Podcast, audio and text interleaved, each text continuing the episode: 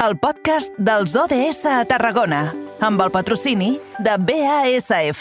The ancestors got me, I feel their words.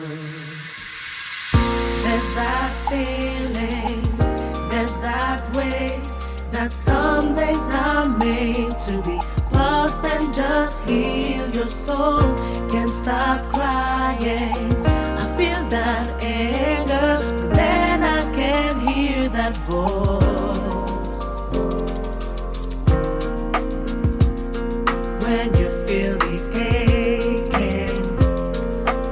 Passen gairebé 7 minutets al punt de les 6 de la tarda. Arrenquem aquesta darrera hora de programa, com deia ara tot just fa un momentet. Ho fem amb els ODS, amb els Objectius de Desenvolupament Sostenible. I això vol dir que hem de fer parada als estudis de la nova ràdio de Reus, perquè allí tenim la nostra companya Angie Aremayo. Angie, bona tarda, bon dimarts. Molt bona tarda, Eduard. Avui ens quedem amb l'ODS número 10. Què diu aquest ODS número 10? Doncs avui parlarem de la reducció de desigualtats i la solidaritat, però ho farem des d'una perspectiva més general i com cada 15 dies amb el Gonçal Barrios, membre i impulsor de la coordinadora d'ONGs de Tarragona. Bona tarda, Gonçal. Bones tardes. Com dèiem a la presentació, avui volem fer una mirada més àmplia, una instantània sobre la salut de la solidaritat actualment. Com la descriuries?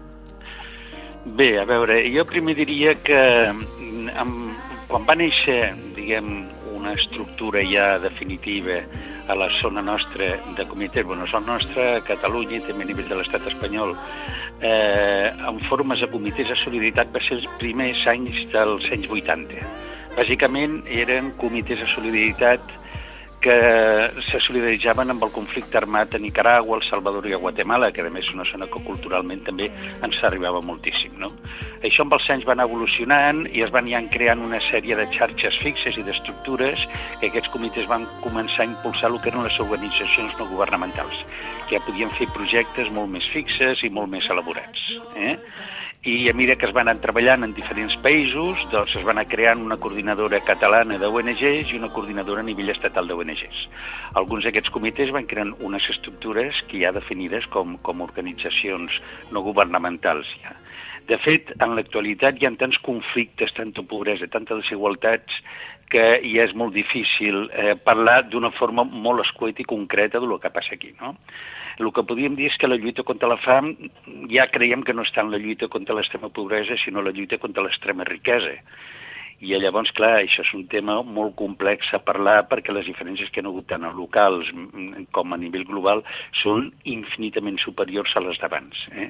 I això està estructurat amb una forma de, de, de condicionament a nivell tant doncs, a Espanya, a Europa, a Catalunya, a nivell mundial, amb el Fons Monetari Internacional, el Banc Mundial, etc, que el domini d'aquests sectors petits que podríem definir com un 15-20% de, la, de lo que és la humanitat, bàsicament Canadà, Estats Units, Europa i Japó contra la resta de la humanitat doncs és una, una situació bastant greu. O, ostres, Gonçal, uh, t'he de dir que m'ha sorprès que uh, parlis d'aquesta lluita contra l'extrema riquesa. En som conscients això a nivell ciutadà? És a dir, d'enfocar les uh, desigualtats des d'aquest punt de vista i no des del greuge que pateixen aquestes uh, societats o aquests uh, països en vies de desenvolupament? Sí, perquè, mira, eh, cada vegada l'estructura econòmica mundial se surt més al control polític, és a dir, avui dia hi ha els fons, els fons d'inversió que tenen una potència econòmica molt superior a el que poden tenir qualsevol país, ja, és a dir, hi ha fons d'inversió que tenen més capacitat econòmica que, per exemple, l'estat espanyol. Eh? Llavors creen els tractats de lliure comerç, creen tota una sèrie d'estructures a nivell mundial i tenen els seus centres de discussió, eh, com les reunions eh, que fan a Davos, etc etc, que creen unes línies, diguem, polítiques i econòmiques que superen molt, eh, diguem, la capacitat de gestió dels diferents governs dels diferents països. Per exemple, aquí a la mateixa Europa, a la Unió Europea, nosaltres quan tenim que fer una sèrie de plans tenen que ser acceptats ja per la Unió Europea. La Unió Europea tenen en aquests moments a Brussel·les més de 6.000 lobbies de pressió, que són grups econòmics, de fons d'inversió, etc que estan contínuament pressionant els, els, els parlamentaris europeus perquè decidin decideixen una sèrie de coses que els interessen amb ells. Moltes vegades no tenen res que veure amb el que interessen les poblacions. És a dir, d'alguna manera, diguem, el control i l'estructura econòmica a nivell mundial s'està escapant del control polític, i això és una evidència. Eh? Uh -huh. Uh -huh. I en el context actual, amb una guerra a Ucraïna, una recessió que molts experts assenyalen i la creixent inflació dels preus, uh, facilita que aquestes desigualtats s'intentin superar amb aquests projectes, amb aquestes iniciatives, o tot el contrari? En absolut. A veure, mira, eh, la guerra d'Ucrània és un desastre en molts camps, no solament per la mateixa Ucraïna, Ucraïna és un país que podríem considerar ric, no que estigui enriquit, perquè tenim que diferenciar un país ric d'un país pobre i un país enriquit d'un país empobrit. Hi ha països com, per exemple, el Congo, que és sumament ric en matèries primes, terres rares, metalls, eh, podríem dir en aquest moment preciosos, no?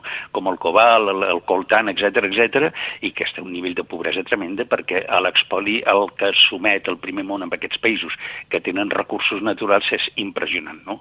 Per tant, això és una cosa. Eh, en Ucraïna, per exemple, amb la, amb del 2016 al 2020, aquí tinc una data, era el 12 país del món més exportador d'armes, era el número 12, i el 20% anaven a Rússia. Rússia, d'alguna manera, va externalitzar la producció d'algunes de les armes a Ucraïna, però també és molt ric en níquel, paladi, coure, ferro, carbó, gas, natural, petroli, vull dir, unes quantitat de riqueses en el seu subsol increïbles. Perquè, a més, és un gran exportador, o era un gran exportador d'alumini, d'acer, de platí, i, a més, a nivell agrícola tenia una importància cabal. Era el, el sisè productor de morès, però també exportava molt de blat, colza, soja, cibada, etc etc.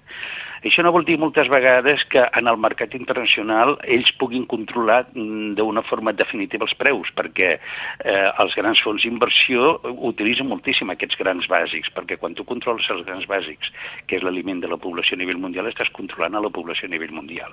Eh? Per exemple, penso que alguna vegada he explicat que els fons d'inversió en valors a futur doncs, ja tenen comprades moltes de les produccions del 2023, 24, 25 dels anys que venen, ja s'estan negociant eh, preus ja s'estan venent i fent especulació amb les produccions futures d'aquests grans bàsics. No? Però és que, a més, això té una repercussió en moltes poblacions a nivell mundial que no tenen res a veure amb el conflicte. Per exemple, la manca mm, que té en aquests moments el, el Programa Mundial d'Aliments amb el tema de, la, de, de, de grans bàsics està afectant moltíssim a països d'Àfrica com Sudan del Sur, a Burundi, a Malawi, a Mozambic, etc. Hi ha unes hambrunes en aquest moment i una quantitat de mort de crios per desnutrició i de gent adulta per desnutrició, per manca de que no arriben els aliments aquests que s'estan produint a la zona de... de perquè mm, Rússia també és un gran productor de grans bàsics, d'Ucraïna, etc, que és tremendo. Aquestes poblacions no té res que veure i estan patint el conflicte d'Ucraïna, no? Nosaltres mateixos, l'augment brutal dels preus a l'hora de menjar no cal que ho expliqui perquè això tots anem a comprar i, i tots sabem com ha augmentat, no? Però el tema del petroli, eh, el tema del, del gas, el tema, etc, amb el, moltes vegades amb el tema del boicot que se li està fent amb aquests productes que abans se'l rebien de Rússia i ara rebien Estats Units, s'està provocant una inflació que està empobrint a molta de la nostra població. Eh, ja no solament Àfrica en tenen res que veure, però nosaltres també s'estan empobrint. No.